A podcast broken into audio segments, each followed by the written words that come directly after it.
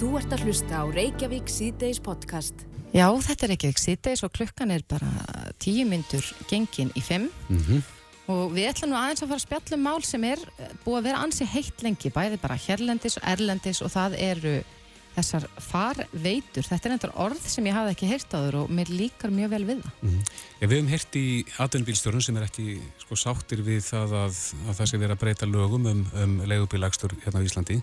En, en hefur þú notað Uber Já, alveg bara eh, óhygga þegar ég hef verið í bandaríkunum. og hvernig fannst þér? Bara frábært, mjög þægilegt að bara geta tekið upp síman og stilt nákvæmlega hvert hann á að sækja mig og eða, ég, ég hef þess að notað Uber Eats sko. panta mat inn á hótelherbyggi með Uber Eats. Já, já. einmitt. Eftir langt flug til Orlando og panta sér McDonalds inn á hótelherbyggi. Já. Gæti ekki verið betra. Nei, en þetta er hérna, ég hef prófað þetta líka og, og hérna gefur þessu bara fína engun en, en það er einhverjir vankantar á þessu líka sem að, sem að atvinnubílstjóra hafa nefnt. En í viðstjættablaðinu í dag er viðtal við Birkir Rapp Guðjónsson og Bjarnar Frey Björnsson. Þeir eru höfbúna sérfræðingar og eru með í smíðum eh, app sem er eitthvað í líkingu við Uber appið eins og við þekkjum það. Velkominni strákar. Takk fyrir það, takk fyrir. Eh, að við erum að nefna Uber hérna, er þetta bara eh, eins og Uber eða... Já, í raun og veru eru þetta verið með alltaf sumu fítis á Uber og svo Mhm. verið þetta kannski með smá svona tvist fyrir íslenskan markað. Já, hvað getur það verið? Það snýr aðalega að bara kólminnispori og, og, og, og svoleiðis. Já. Aðalega hérna samnýta ferðir og, og slíkt. Eru þið að fara að stopna sem sagt þá leigubíla fyrirtæki? Er það? Er Já, það? raun og veru. Já, það lítur allt út fyrir það. Og lögin lít út fyrir það, þá, þá, þá þurfum við þess. Ok, og núna hefur, var ég eh, erlendur sem daginn. Þá var einn af þessum Uber bílstjórum mjög mikið að ræða við mig um sko réttindi bílstjórana. Auðvitað þurfi þið þá að, að tryggja það að fari sér eftir öllum, allir vinnulögjöfinni og annað í tengslu við það. Að kemur þetta til með að vera stór rekstur kringum þetta? Það fer svolítið eftir í raun og veru, sko, í dag er frumvarp sem að verið er að vinni, mm Mhm. það sem að breyta álögun. Það fer svolítið eftir hvernig það endar, hver- hvers konar umfang eh, verður á, á rekstri. Já. Já, og hvernig frumvarpi mun enda og Akkúrat. síðan náttúrulega hvaða reglur verða settar eftir það. Náttúrulega reglurna verða byggðar á lögunum og Mhm. þá náttúrulega skiptir það miklu máli bara hvernig það, það, það endar, það ferli. Mhm. En það, er þetta svolítið svona tíman að tákna að, að þetta byrjar allt í appi? Þið eru hugbúna sérfræðingar og, og eru það að fara að stopna leigubíla þjónustu? Já, við, við, þú veist náttúrulega farveita er í raun og veru bara þjónusta sem að tengir saman uh, hérna notendur og bílstjóra Mhm. í gegnum snjallfórit þar sem að notandinn borgar fyrir fyrirfram ákveðu verð fyrir ferðina Mhm. og, og það sem okkur finnst mest spennandi við svona farveitur er það að hérna að það er þessi ferðamáti sem, sagt sem að kallast, við, við köllum samferða, það er ekki kannski beint en, en, endarlega hérna, til íslenskt orð enska orðið er, er pooling í raun og veru, sko.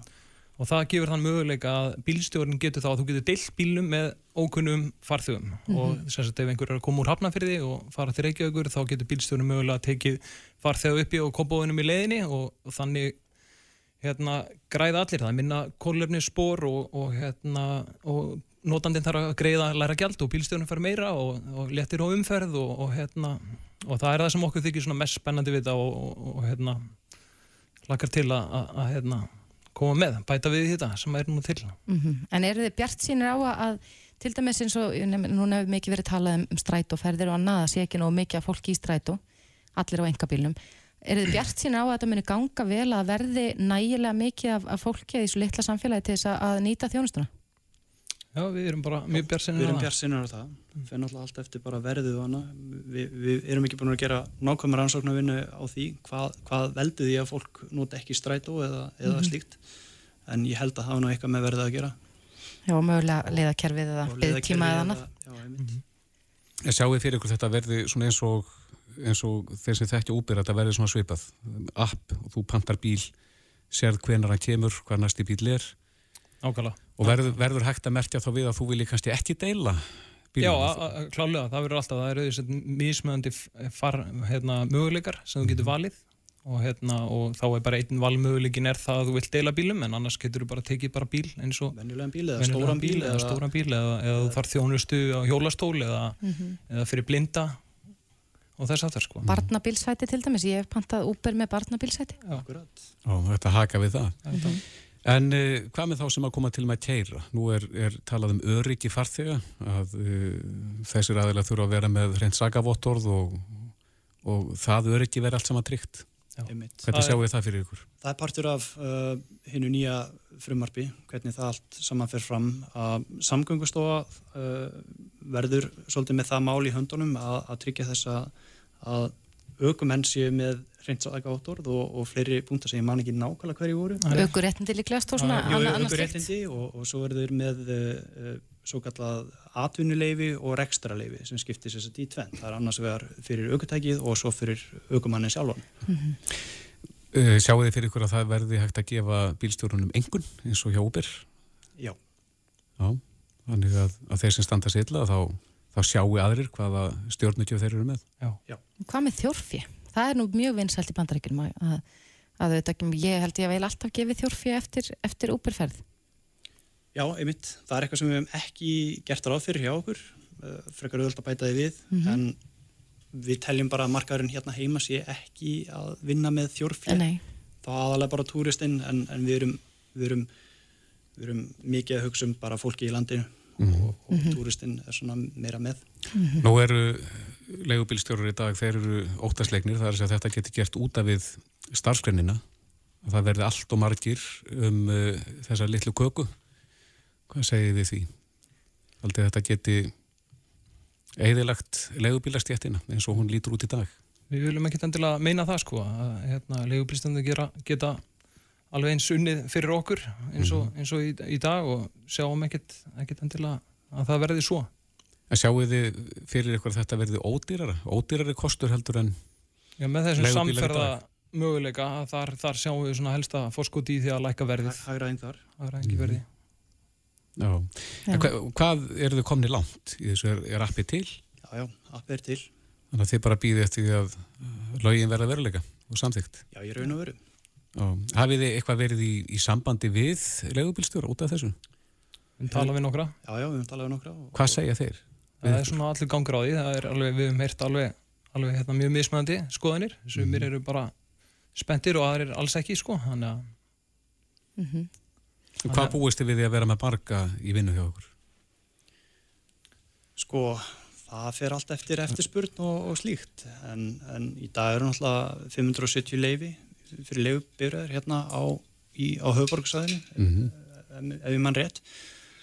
Þannig að uh, það var náttúrulega gott að vera með eitthvað í, í kringum 500, allan 500 bíla um, til að byrja með. en, en það fer allt eftir eftirspurn. Já. En talandi um öryggi þarna áðan sem varst að tala um að, að þá er hérna samgöngustofa, hún sér um að, að halda utanum öll leifin, hattunulegu og rekstarleifi Mhm. og það var einn svona ábending okkar sem við gerðum hérna umsögnu við frumarpið á alþingi að væri það að hérna, að samgöngustofa er sett með opinn gagnagrunn þannig að við kæmumst í þær upplýsingar um það hverjir eru með leifi af því að samgöngustofa mun halda utanum það Mhm.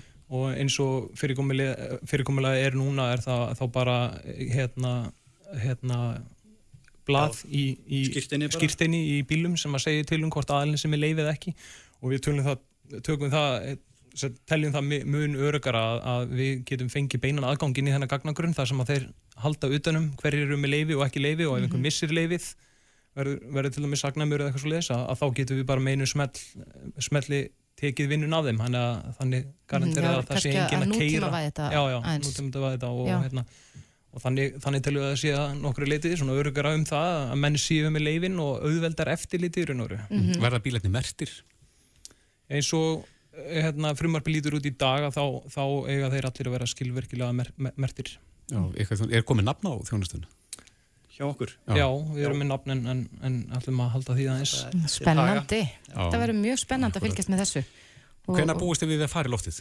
Eða fyrir ekki þau í gang með þetta? frumvarpinu stendur sér að 20, eh, ég sett í júli 2021 Mhm.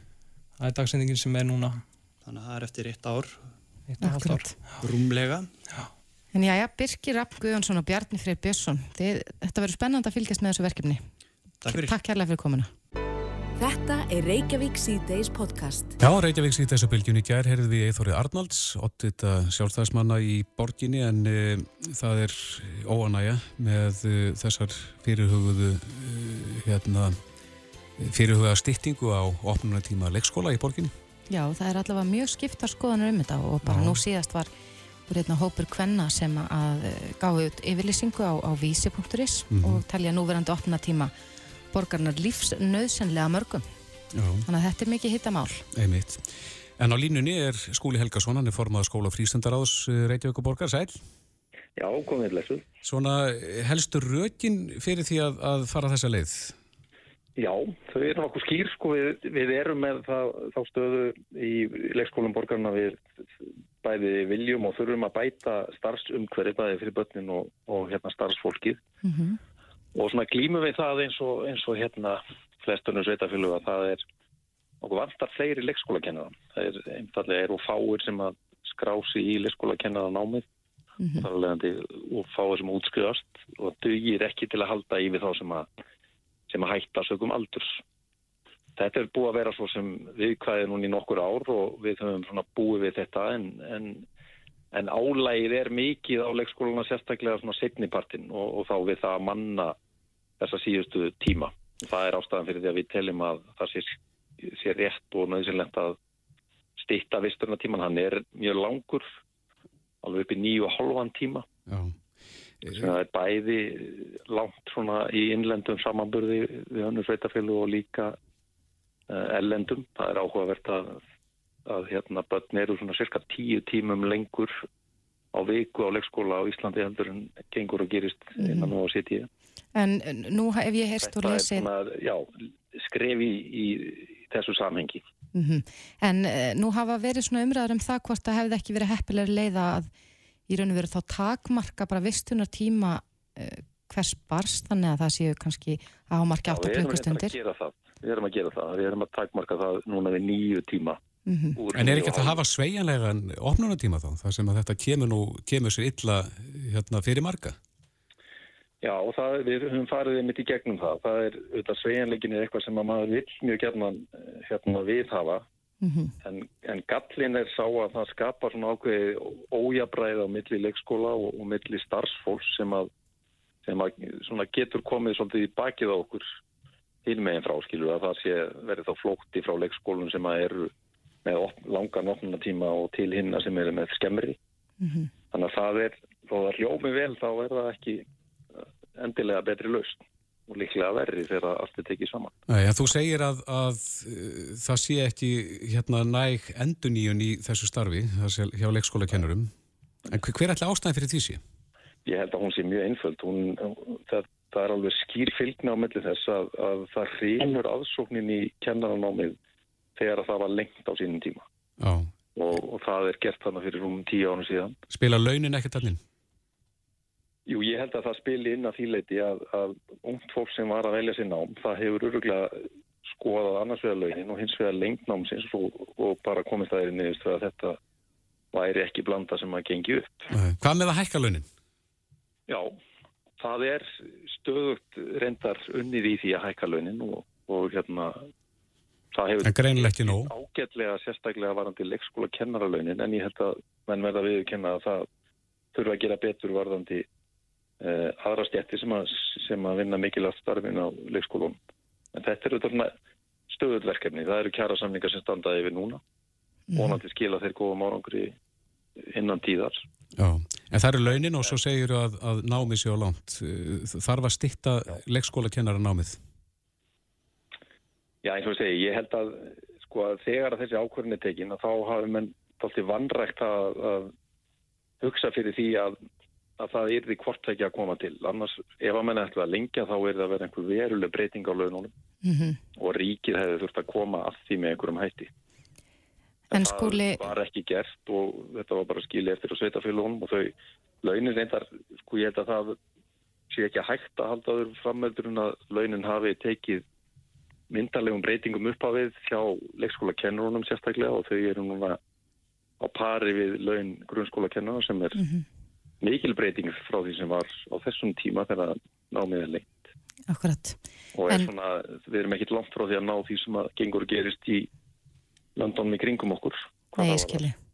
En skúli, núna hefur líka mikið verið rætt um það að þetta muni, eða ég raunar að sagan sín okkur að, að svona skerðingar á, á leikskóla þjónustu bytni frekar á konum og, og nú erum við náttúrulega líka að tala um að, að konur eru í miklu meiri hluta eh, starfsmenn leikskólana hefur, hefur þetta eitthvað verið var þetta rætt í ráðinu áður en þessi ákvörðum var tekin? Já sko, við erum auðvitað ekki síst að bregðast við ákalli frá leikskólakennurum og leikskólastjórum sem Mhm. eru að miklu meiri hluta konur. Þannig að það er, það er ákveðin mingill í að, að taka þeirra sjóna með alvarlega. En getur ekki verið sveigjanleiki vinnutíma hjá þeim þá, þannig að, að sumar þá vinna, byrja setna þá og vinna lengur og... Jú, en þarna hefur myndast mjög skýr álagspunktur undir lok vinnudagsins og verið erfiðast að manna störfin einmitt þá. Og það er ástæðan fyrir því að við, við horfum til þess að, að það þurfa að breyðast við þarna. Og þetta er svo sem alveg sama ákvörðun eins og við sjáum að kollegar okkar hafa verið að taka í öðrum sveitafylgum. Kópári nýlega tekið þetta skref, eh, Hafnafjörður, Árborg, Akureyri, Reykjanesbær. Þetta er allt dæmi um stór sveitafylgur sem að hafa, hafa verið að, að stíga skref í þessa veru. Hvað sparar borgin á þessari styrtingu? Lítið sem ekki neitt. Þetta er nefnilega ekki hægraðingar aðgerð og það, það er meiri segja mögulegt að hún muni auka kostnaðin lítilega. Við höfum svona látið reikn út þrjár sviðsmyndir. Það fer við eftir í hvernig fólundra bregðast við. Mm -hmm. Hverjar eru sviðsmyndirnar? aðeins? halda því fram að, að margi fólundra muni ekki raun og veru gera mikla breytingar af því þeir eru ekki að nýta þennan tíma í dag er jafnvel borgi fyrir hann sem er svolítið áhugavert við sjáum það á, á okkar aðtugunum að, að það er innan við helmingur þeirra sem borga þennan síðasta hálftíma sem að nota hann í raun og veru. Já, já. Mm, en núna, En einhverjir munu öruglega reyna að færa til, skilði, byrja þá með barnið sitt fyrir á daginn, eh, þeir sem að hafa nýtt hennan hálftíma. akkurat, en, en þeir sem að mögulega eru með það fyrirkomulega núna að byrja síðar og vera þá til fimm og, og það er náttúrulega mun kannski bitna frekar á þeim Já, emitt, það, þetta er alveg klátt að þetta veldur raski hjá einhverjum hópi og, og þess vegna er mér töðulegt áherslu að hafa aðluguna tíman langan. mm Þannig að segja að þetta byrjar ekki fyrir 1. apríl og, og þeir sem að að segja með þurfa á viðbótar fresti, þeir geta sótt um að, að fá hann til 1. ágúst. -hmm. Og þá voru ekki aftur snúið. Nei, nei, þá, þetta er á, lengri aðluna tími heldur en allavega ég hef heyrt um annar staða, þannig að við erum svolítið að bregðast við. Akkurat, en búist þið við því að, að vinnumarkaðurinn bregðist við þessu á einhverju leiti? Já, sko, ég vil auðvitað búa í samfélagi þar sem að við erum með stittri vinnuviku heldur en verið hefur og það er sem betur fyrir að ræða það við kjærasamningsborði vonandi fáið jákvæða niðurstöðu fljótlega í þau mál. Já, en þessi skerðing er auðvitað samt sko uh, töluvert meiri heldur en, en vinnutíma styttingin sem samþygt var í síðustu kjærasamningum, í lífskjærasamningum. Já, já, og eins og segi, við erum að sjálfur sér ekkit að tengja þetta saman en bara almennt sé þurfi á því að halda það sem er að jafnvægi á milli atvinnu og fjölskyldulífs heldur en hér hefur verið praktísera lengi. Er þetta gert í Og- samráði og í- við atvinnulífið? Í því samtali þarf einmitt atvinnulífið að koma inn. Já. Er þetta gert í sa þetta er samráði ekki við? Í beinu samráði við atvinnulífið. Þetta er aðgerð sem við bara berum eh, fulla ábyrð á hjá borginni. En, eh, en við eigum í eigum og viljum verið í góðu samtali við atvinnulífið um ímsa þætti og, og þetta er bara eitt liður af mörgum í því að bæta starfsumhverfi. Við erum líka að skoða almennt skipulagið á leikskóla deginum og hvort við getum jável breytt því þannig að það sé svolítið markvisara og, og líkara því sem að þekkja í grunnskólaumhverfinum að, Já. aðgreiningi þá á milli grunnskóla og frístundar og samspil á milli. Einmitt. Skúli Helgason, formaður skóla og frísundaráðs Reykjavíkuborgar. Takk fyrir spjallið. Takk sem leis. Reykjavík síðdeis á bylginni. Já, Reykjavík sýtt þessa bylginu, klukkuna vantar 12 mínútur í 5 og við ætlum að tengja okkur við vestfyrði. Eh, Okkar maður, Jóhann K. Jóhannsson, fréttamaður er stattur á Flateri, kom til sæl. Heilur og sælir og heilur sæl. Það er nú aðeins farið að, að stytja núna og þú ert búin að vera hérna í dag að við að þér efni. Hvernig er uh, andrúsloftið og staðan á Flateri núna? Það passar við Egil Aðalsteinsson erum búin að vera inn á Ísafyrði í dag. Það er búið að vera ófært í allan dag til flatirar og unnið að því uh, að móka uh, flatiraveg uh, sem að muni opna svona á næstu mínútum. Um, við hefum svona verið að heyra sögurnar frá fólkinu, vorum inn í aðgerastjórn í hádeginu, hittum bæjastjóran og hittum svo maðgurnar tvær sem að lendu í snjóflóðinu við Ólafstún á flatiri í, í, í fyrrakvöld. Já, hvað kom fram í því samtali? Það er, þetta er náttúrulega ótrúlega upplöfun og það er alveg uh, ótrúlegt að þær hafi komist uh, lífsaf frá þessu með við lýsingarnar frá þeim. Uh, það er uppli, uppli, upplifin þeirra var að það hafi í rauninu orði bara sprenging í húsinu þegar flóðið kom inn. Mm -hmm. Ég las nú eitthvað starf að það hefði bara verið dúnsæng sem að, að bjargaði lífi stúlkunar, úlingstúlkunar. Já, það er það sem heldur að henni hýta og gaf henni uh, færi á að geta hreift sig aðeins og eins og hún segir í viðtalinu þá uh, hugsaði hún fyrst og fremst um að ná að anda. Mm -hmm. Hún var samfærd um að sér er þið bjargað. Man hún eftir því þegar að, þegar að hérna, bylgjan skellur á húsinu?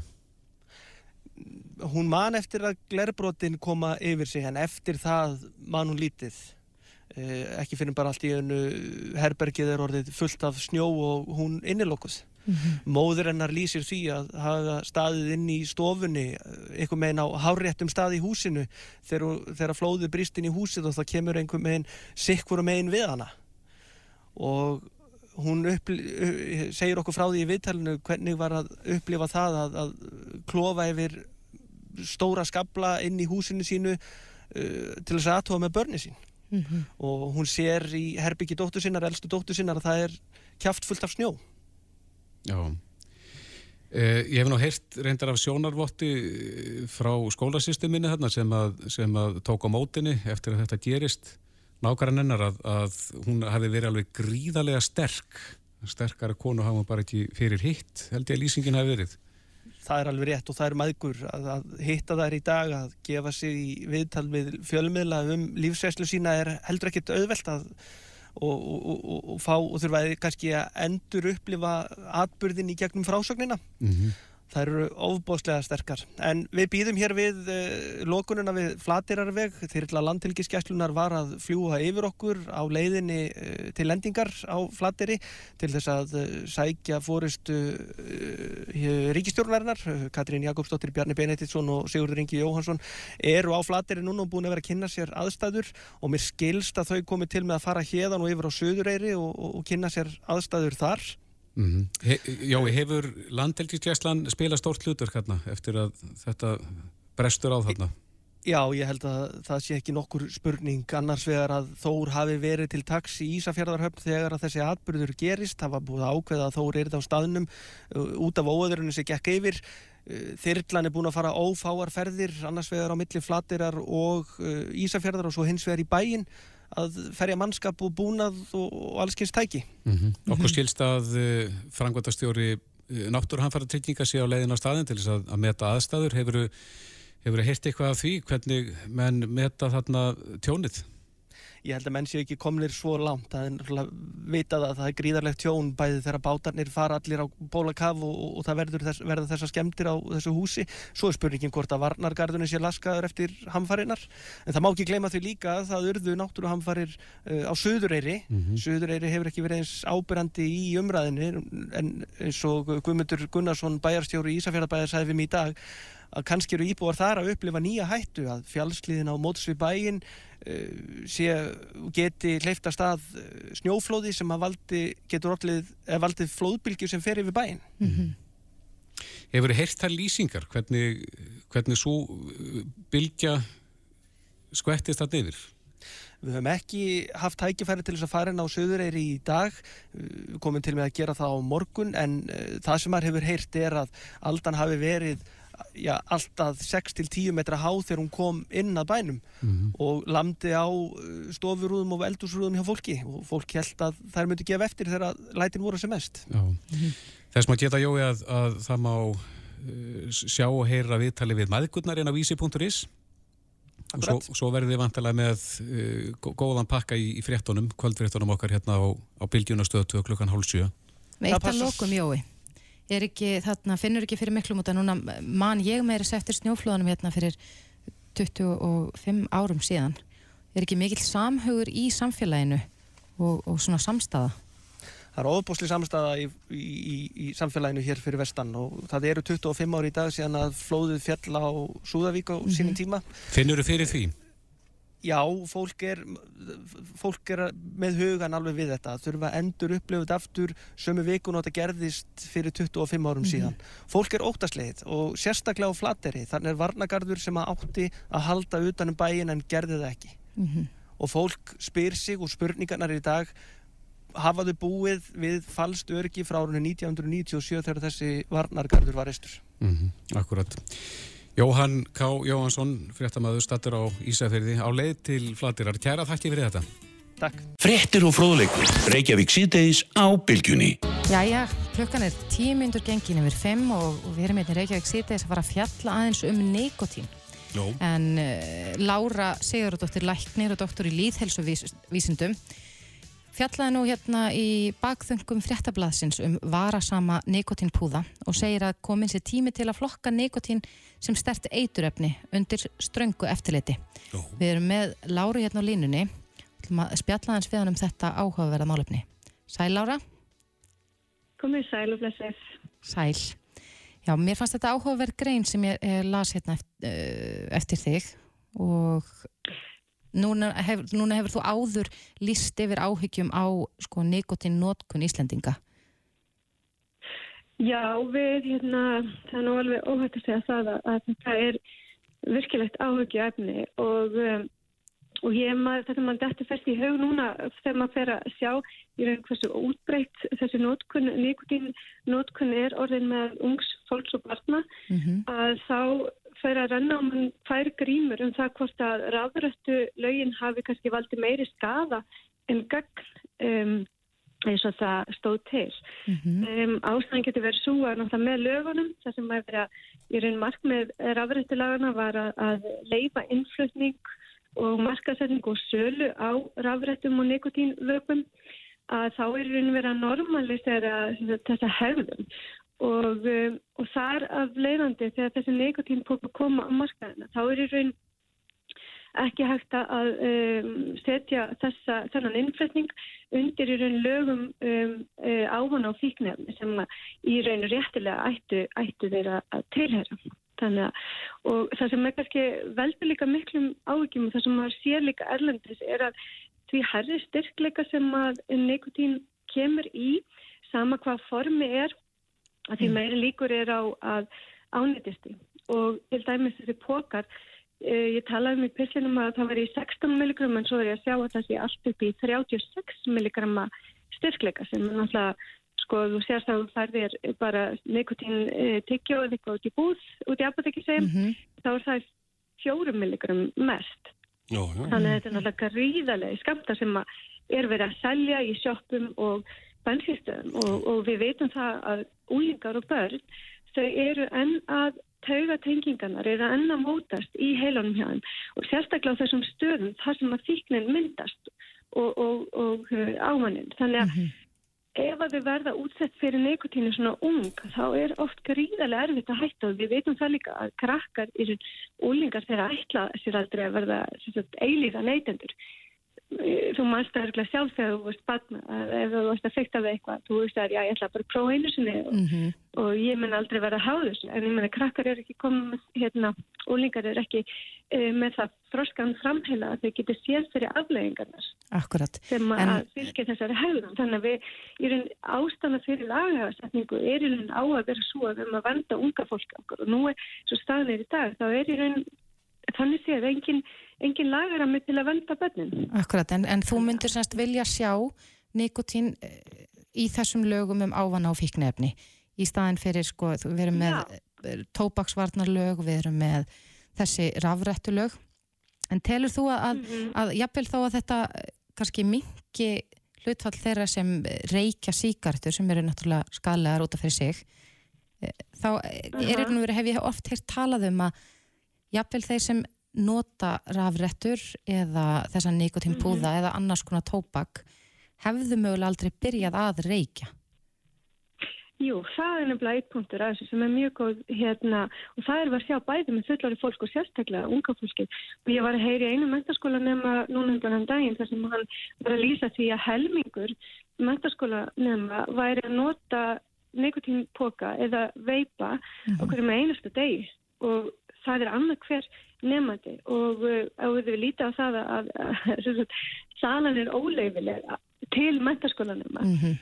um, flestra, þá, þá er í rauninu eitthvað eitthva að í kerfinu. Þetta er ekki að, við erum ekki að við erum búin að missa tökinn á því. Akkurat, þú komst nú aðeins inn á það hérna hvort að, hvort að væri yfir höfuð sko í lægið þetta er náttúrulega selt nánast hvar sem er núna bæði þessir nikotínpokar og, og vögvi fyrir afrættur að, hvort að það mhm. væri yfir höfuð sko í lægið að selja þetta svona á almanna færi í raun og veru. Já, það er það að hættan við þetta. Það, það er þetta eftirlit og, mm -hmm. og, og ég menna þeir sem sjá ekki hættun á því, þeir eru ekki, kannski eru frálsari með að að salja styrkle, í styrkleikum, hæri styrkleikum og, og, og svoleiðis. En er líka, þú veist, þess að ég set allavega frá mínum að séð og, og ef þú skoðar hvað er nikotín, nikotín er í raun bara flokkað, þú getur hæglega flokkað nikotín annarkostum hérna e, tóbak, sérstaklega það er unnið úr nikotín plantunni, nikotína tó, tóbakum mm -hmm. og það sem leif Mm. Þannig er það nota í þeim tilgengi að hætta að reykja og þá er náttúrulega best að gera það í samræði helbriðstastum. Yeah. Þannig er tilgangurinn, hver er tilgangurinn í raun með sölunni á þessum nikotínpókum og, og rafsíkaretum á frálsum markaði því að, að mar, viða í heiminum eru rafsíkaretu bannar eins og þessi Nóri og, og að því að það í raun rannsóknir er ekki koman og fram sem þýna óyggjandi árangum með rafsíkaretum framlifir að önnu nikotínlif eins og til dæmis bara nikotín tyggjur eða plástra. Þannig að um, nikotín rafrættur hafi ekki reynst um, það góðar í raun til að hætta reykja eins og menn bundu vonir við þegar hún kom fyrst á markaðin og það sem að er verið um líka stjálf með rafsíkarnar er það að eh, þeir sem reykja og nota rafsíkar þeir voru meira hálir nikotína þeir, þeir eru raun taka inn meira nikotín heldur en þau væri að gera bara með því að reykja. Þannig að mm. En hvað þá með íslenska nefntópakið sem er nú líka selt bara, já, náðast hvar sem er og, og hefur verið ítrekkar ætt um það að það sé mjög skalett og getur valdið krabbaminni og öðru. Já, já. En ég menna það er sama sem við erum að horfa þar. Um, Stærsti hérna, hópurinn sem neytir um, hérna, þessar tópaks eins og náttúrulega sem muntópaks eru uh, hópurinn átjón til 24 ára mm -hmm. og ég veit ekki með yngri að því það kannski er ekki til, það er ekki til alveg nága tölurma. Þannig að, þannig að hér eru aftur að vera mungt fólk sem að í raun er ekki þú veist búin að taka það ákvörðan að það ætla að vera að há þessu æfi langt Já. og hefur kannski ekki í raun þorskan til að, að meta á þessari stundum. Þannig að -hmm. ég, já, maður eða svona hefur miklar ágjur af þessu hvað hver þróunin er. Því að ég minna öll, eh, flest eigum við úlingaböld sem að um, eru, eru þarna úti og eru útsett fyrir þessu. Og við veitum alveg verið það lítið samfélag að ef að við sjáum vinina vera með þetta þá er freistund að prófa og það er frýstingur á það. Ég meina krakka sem að, að drekka ekki, ákveða, drekka ekki áfengi þessu stöðum frýstingi að fá að smakka. Þannig að það er ekki mm -hmm. sam, það er samverka teiningin með þetta. Þannig að við þurfum svona, við erum svolítið kannski viðkvæmur held ég fyrir svona samfélagsásum á Íslandi eftir mörgum öðrum stegum. Já. Þannig að svona, já. En allavega, það er, verður bara áhugavert að fylgjast með hvernig þetta fer og, og þú, já. þú ert allavega búin að vera öll talsmaður þessa að, að það ætti bara regluverki í kringum þess að vörur ætti að vera skýrari. En Lára... Já, það er náttúrulega það. það já. Mm -hmm. Þakka kærlega fyrir, Lára. Já, takk sem við leiðist. Reykjavík síðdeis á bylginni. Reykjavík síðdeis á bylginni, þetta er sorgardagur í dag en uh, þjóðinn minnist þess og vestfyrringa kannski sérstaklega að þennan dag fyrir 25 árum síðan árið 1995 að þá fjall stórt snjóflóð uh, á Súðavík sem að er eitt mannstjæðasta snjóflóð Íslandsögunar. Það er talið að um 65 manns hafi verið með fasta búsetu á því svæði þar sem að Eh, snjóflóði fjall og eh, af þeim slösuðust tíu manns og fjórtán létust. Nú sögum við komuðust að sjálfstæðum út úr húsarústónum en Björgunarsveitur og sjálfbóliðar fundu aðra og sá síðast þess að fannst á lífi var 12 ára gammal drengur en hann hafði þá leið í húsarústónum kaldur og hrætin í alls 23 klukkustundir. Það voru sorglega frétti sem að bárust af þessum atbörði og þjóðin fylgist agndofa með. Eh, einn af þeim sem að misti mikið á þessum tíma var Hafstein Númason sem að eh, var, og má segja að hafi verið nokkur neginn andlit þessara hamfara uh, árin á eftir. En uh, Hafstein er stattur núna í, í Serbíu þar sem hann dvelur yfir vetramánuðin og kom til sæl Hafstein. Já, kom til sæl. Þú sagði mér í, í dag að þú hafi tekið þér bíltúr yfir til Bosníu. Tók mér, bara, tók mér bíltúr í dag, svona brjót upp daginn. Þetta er... Já, kíktir yfir til, til Bosníu. Já, fór í bíltúr á nefnir. Ég bý hérna við landamæri í Bosníu-Serbíu. Já, það að þú hafi tíkt í bíltúr í dag, er, er það út af þessum degi? Já, svona, já, á meðan hluta. Það er svona, ég er eitt hérna og það er erfitt að vera bara alveg. Ég hef búin að vera, þegar maður heyrði snjóflóðin sem komu í fyrra kvöld á flatteri. Já. Þá dætt maður aftur 25 ára aftur í tíman. Já, hvernig tilfinning var það að, að fá þessa fréttir að heiman? Það voru bara skjálfilegar. Já. Var bara, þú veist, sem betur fyrir var, var það, var ekki manntjón. Mm -hmm. Það skiptir náttúrulega málu, það síndi sig að það var búið að gera garda. Já, akkurat. Sem björguð miklu. Já. E... Það er að koma í ljósnakk, einhverju vangantar á því. Einmitt, akkurat. Varnagarðinni, þeir, þeir stóðu stóðu fyrir sínu þarna en eh, hvað er langt sem þú fluttir út? Ég fór hingað núna ég kom hingað út í byrju nógumber ég er hérna, ég var í fyrra vetur líka Já, ertu þarna á veturnar? Já, Já. Ég er með aðstöðu hérna fæ að vera hérna, Júsi Já, akkurat Það er gott, gott að vera hérna skríti hérna er alltaf lokn Já, þú sækir í lognið Já, ég væri búin að fylgjast með fréttum og sjá hvernig, hvernig þetta er búin að vera frílíkt væri að víti heima. Já. Er langt síðan að þú... Er, er langt síðan hafsteinn að þú fóst til Súðavíkur? Já, ég kom uppnaflik við það í sömur. Fór þarna upp á minni, minnismerkinu. Já. Ítt þarna yfir grunninn og húsinu mínu það er bara græst það núna sko. það er erfitt Manstu eftir þessu þessu örlagaríka kvöldi? Fyrir 25 árum? Já Já ég maður hverja mínuta Þú varst að Þetta kvöldið áður við vorum á landstími í vittlisu veðri. Og nóttina voru við út að vinna við vorum að vinna í trolli mm -hmm og það var laka til því að var, við vorum að byrja með flýkjærfi um borð. Og maður var að laka til að það væri tveir túrar og þá færi ég í frí. Getur maður fara að vera meira heima með fjölskyldinni mm -hmm. En veðri var svo gæðveikt hérna við, lág, við lágum með nóttina undir grænum hlýðinni og það var svo mikið ég haf aldrei, við vorum framundir undir, undir brunni sko þar undir að gera við troll Ég það var úti yfir allt svellað, klakabungi bara. Já. Vorum að vinna í því og þegar maður heyrði þegar kviðurna voru að koma, heyrði öskrið að koma niður fjallið.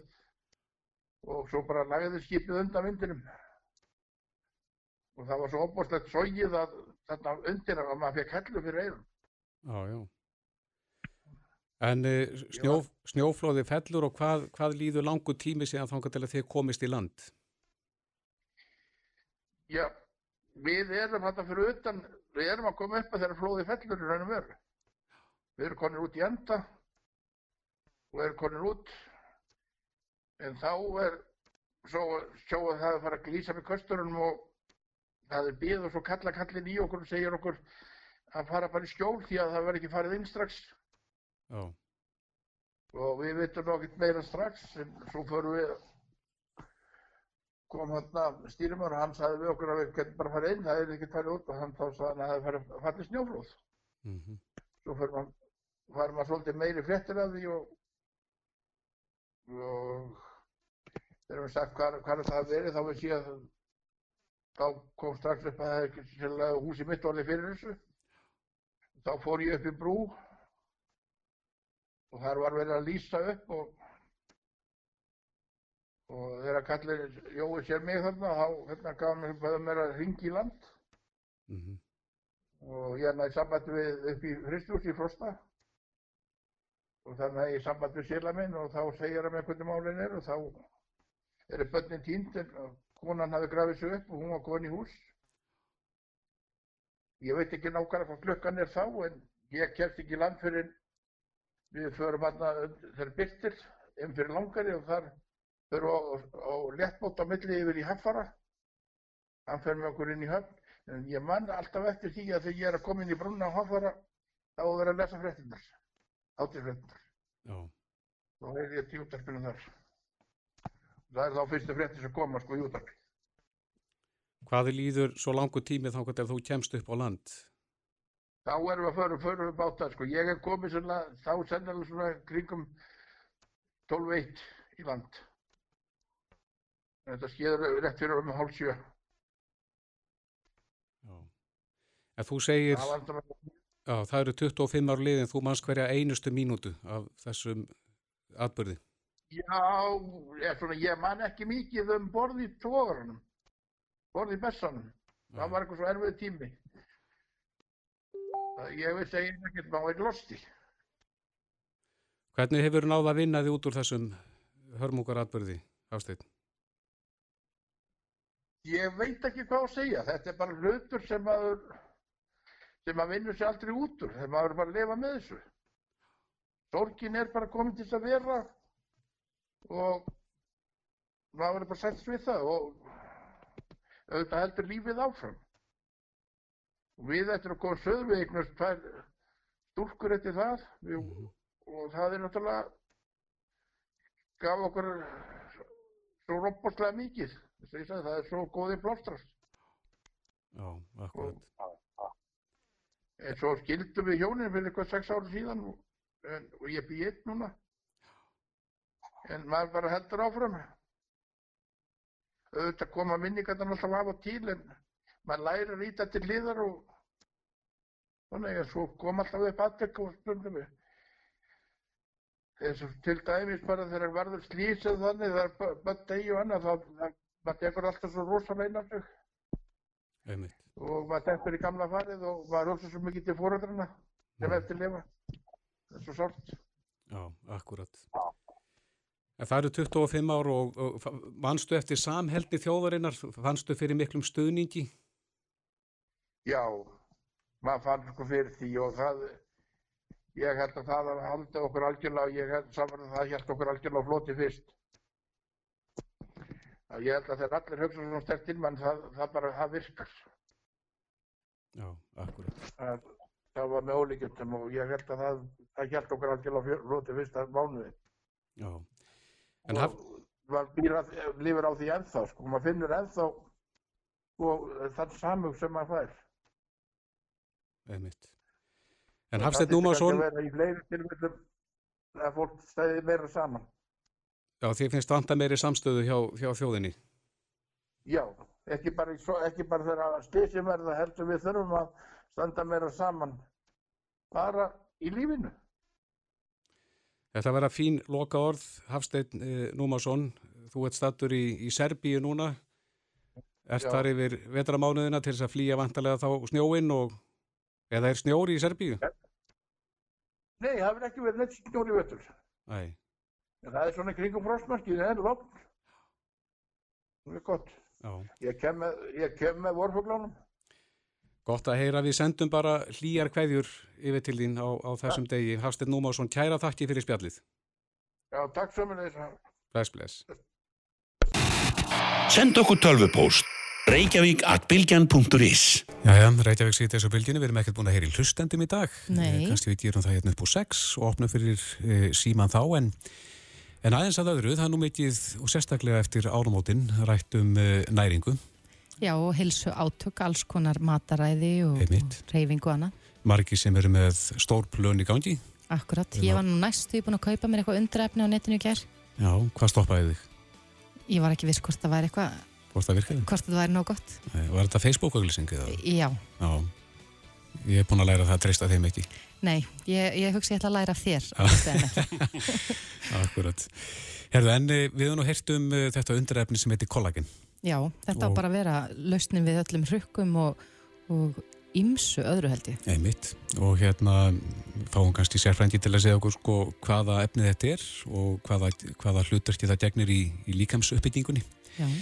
En uh, þetta hefur verið vinselt, drikkir, þetta finnir mörgum drikkjum. Já, og það er nú frekar nýverið búið að bæta þessu við einhverja, einhverja svona orkudrikki sem eru mm -hmm. framleiti hér á landi. Já, já. Og, og ég tók nú eftir því að það er hægt að bæta við einhverjum krónum í, og bæta þessu við bústið sitt og, og fleira í þendur. Í rættinni? Já. Já, já. Þóraldur Ingi Haldarsson, profesor við matval og næringafræði til Háskóla Íslands er á línunu, kom til sæl. Sæl, það er. Já, það eru, eh, það er misjæmt hvað maður heyrir og oft er það þannig að neytandin hann stendur eitthvað mitt á milli og veit ekkit í hvort fótinn hann á að stíga. Eh, er kollagen virkar það? Það er að segja þegar við tökum það inn eða virkar það ekki? Uh, það er nú ekki erfitt að svara þessu svona alveg já og nei. Það, þarna, það er til einhverja rannsóknir sem að sína það að sem sagt kollagen geti minka liðverki hjá fólki mm -hmm. sem að tekur það inn og þær rannsóknir hafa verið gerðar á sagt, meira afreiks íþróttafólki mm -hmm. sem er þá mikill í þjálfun og er að reyfa sig meðan það er að taka inn kollagen. Sem er kannski bestu hópuru þá, sem er undir miklu álægi? Jú, jú, en það eru líka margir sem að fá sliti liði sem sagt á efri árum og, og hann mm -hmm. var óskandi að það gagnist þeim. Hins vegar er þessar rannsóknar ekkit sérstaklega góðar, það er ekki teknar einhverja klíniska myndir og, og greint hvort að liðinni sé að byggjast upp, heldur er þetta bara mæli hvað á það hvort að menn séu verkja minni eða ekki. Þannig að það, veist, þannig að það flokkast þá sem vísbendingar um að þetta geti gert gagn og, og þar likur það eiginlega bara, getur maður sagt. Akkurat. E, Þannig að, og það er nú oft þannig að framleiðendu vilja kannski ekki endilega gera stórar og dýra rannsóknir sem að alls annað þá það var að vera sér ekki jafn góð eins og er halda fram. Það er oft betra að vera á gráasvæðinu. En, en, en þetta er alls ekki, þetta er alls ekki neitt skalegt við að taka inn og drekka kollagen og það er alls ekki sko útilokkað að geta haft einhver áhrif á einhverjum. Nei, en þetta er ekki samt svo kallað undra efni sem að eins og það er markasett nút í dags? Nei, það myndi nú ekki alltaf og þarna og, og þeirra kemur að því að fólk fái betri húð og svoleiðis með það vera svolítið, svolítið svona, svona erfiðar að skilja, myndi ég halda. Vel í lagt? Já, maður Já, snýr eiginlega ekki, maður snýr ekki öldrun við svo öðvöldlega og þarna, og þarna ég held að að ég myndi halda að, já, það er alveg það er rannsóknir sem ég hef séð það hefur ekkert verið sérstaklega góðar. En hvað, hvað er kollagin og hvað gerir það í líkaminu? Er þetta efni sem líkaminn framleiði sjálfur? Já, kollagin er prótín og þetta er náttúrulega bara, já, þetta er sem sagt, finnst þarna í, í sem sagt, þarna í, já, í líkamannum og þetta er þá svona varandi þá stóðkerfi á okkur og þarna og sem sagt við búum þetta til sjálf það sem við þurfum en þau prótín sem við þarna borðum þau við meldum þau og frásugum aminosýrur og búum til okkar einn brotin eftir því sem við þurfum. Og þarna, þannig að það að drekka vassrófinn brotin er ekki þar með sagt að, við, þarna, að það nýtist okkur neitt nýtist okkur beint. En, en, en sagt, þannig að það er svolítið langsótt að, að þetta hafi gerir gagn. Þetta er sem sagt prótein mm -hmm. og, og einfaldast að leiðin til að fá svona kollagén er einfallega bara svona eins og matalín og hérna fiskklöp og svona réttir sem voru vinsarið í gamla dag eru stúdfullir af kollagéni. Já þannig að fólk ætti bara að breyta vannanum og fara að borða mjög mikið af, af gelatínvörum til þess að, að fá kollagén. Alveg tvert gegn öllu öðru í næringafræðinni. Nei, það er svo mikið tverk gegn öru, þetta er ekkit, en þetta er náttúrulega lungur dóttu út í sko, en, en kollagén finnst í matalími til dæmis. Mm -hmm. En það er náttúrulega auðvöldar að drekka það. Já, er, e, er það ekki sannað að ef þú ymbirðir kollagén að líka minn takið á og nýti það? Nei, það er ekki sannað. Er ekki hægt að sanna það?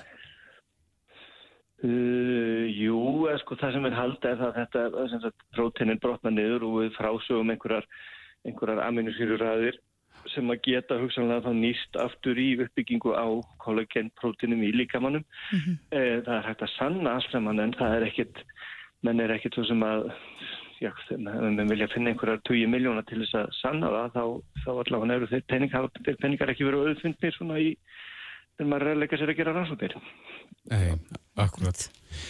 Já, þannig að þetta verður bara að vera þá ráðgáta enn sem komið er við. Já, þetta kannski ekki ráðgáta. Þetta er ekkit, sko, þetta er örgulega ekki töfraefni en þetta er sjálfsagt ekkit algjörlega uh, óveitlust samt. Þetta er bara einhver staðar við vitum ekki alveg hvað þetta liggur en það er einhverja vísmyndingur um þetta geti gagnast en það er náttúrulega með og þetta getur þá fólk bara fundið það þá sjálfum sér ef að trúir þetta sé að gera sér gagna þá er ekkit, ekkit hættulegt við þetta. Nei, en það er mest besti mælikvarðin kannski ef að fólk finnur uh, á eigin skinni að þetta sé að virka að, að þá er það bara að virka. Já, það held að sé mikið gálega heldur en að að hlusta á einhverjum meðaldra kallir svo mig, held ég. Þarna, að ef að fólk trúir þetta sé að virka þá er það bara ágættis vísbending. Já. En hins vegar að sanna eitthvað virki eða koma með sterk vísindarlega rauk fyrir því, það er annað en, en það er alls ekkert óleiklegt að komi einhver tíman eitthvað sem að styðji við það sem ég er að segja. Þetta getur hugsanlega verið að svona hjálpað upp á liði í einhverjum tilfellum. Er þetta mikið um þetta í næringafræðina? Það eru svona efni sem að eru talin virka en, en menn geta kannski ekki endilega svona sett fingur láða hvort að það gerir það virkilega. Uh, jú sko það er þetta sína fram á þetta allt, það er bara að sagt, við erum kannski ekkert svo rosalega upptökin á því að eldast við eitt og eitt efni sem hefur að vera helmingi betur en eitthvað heitt. Við þurfum fullt af næringarhefnum í réttum hlutvöldum og þá á okkur að farnast vel þannig að svona, þetta er svona í áttina að skyndilusninni sko en, en samt spennandi að mörguleiti og, og, og þarna og sem sagt Já, ég var svolítið erfitt með að svari. Ég, ég á sjálfur svolítið bátt það er náttúrulega mikið af svona hvað sem heitir functional foods eða svona, svona vörum settar á marka sem eru í rauninni matvæli og fæðbótarefni og ég var alltaf furða með á því af hverju það er ekki betri rannsóknir sem að liggja baki en ég held að því bara út af því að það er auðveldar að selja svona vörur á þess að leggja út í kostnað að gera rannsóknir. Það er auðveldar að, að sem sagt að láta fólk trúa á eitthvað frekar heldur en að koma með staðrendin Já. en, en, en þetta er allt mann að breytast og ég held að þetta sé já, það er svona það er svona nokkuð nefn það sem þetta snýstum En Þórald, nú ert þú prófessor við matval og næringafræði til Háskóla Íslands. Er, er ekki upplagt fyrir háskólan að, að rannsaka svona mál? Jú, jú, en, en ég vinn mest þarna erlendis við að, að meta hvort að svona vörur séu hættulegar og það er það sem ég hef áhuga á Já. ég er svona að- meira einbeitt að því Það er hægt að segja að kollagen sé allavega ekki hættulegt inntöku en, en spurningin er bara hvort að þetta nýtist manni í því magni að sem að fólk- tala hefur um. Já, ég held að fólk eigi bara að prófa þetta sjálfum sér og ef það telur að það sé að virka þá held ég að það sé besti mælikværi en ekki líka meira fyrir Þóraldur Ingi Haldarsson, kæra þakki fyrir spjallið. Takk ekki fyrir Takk.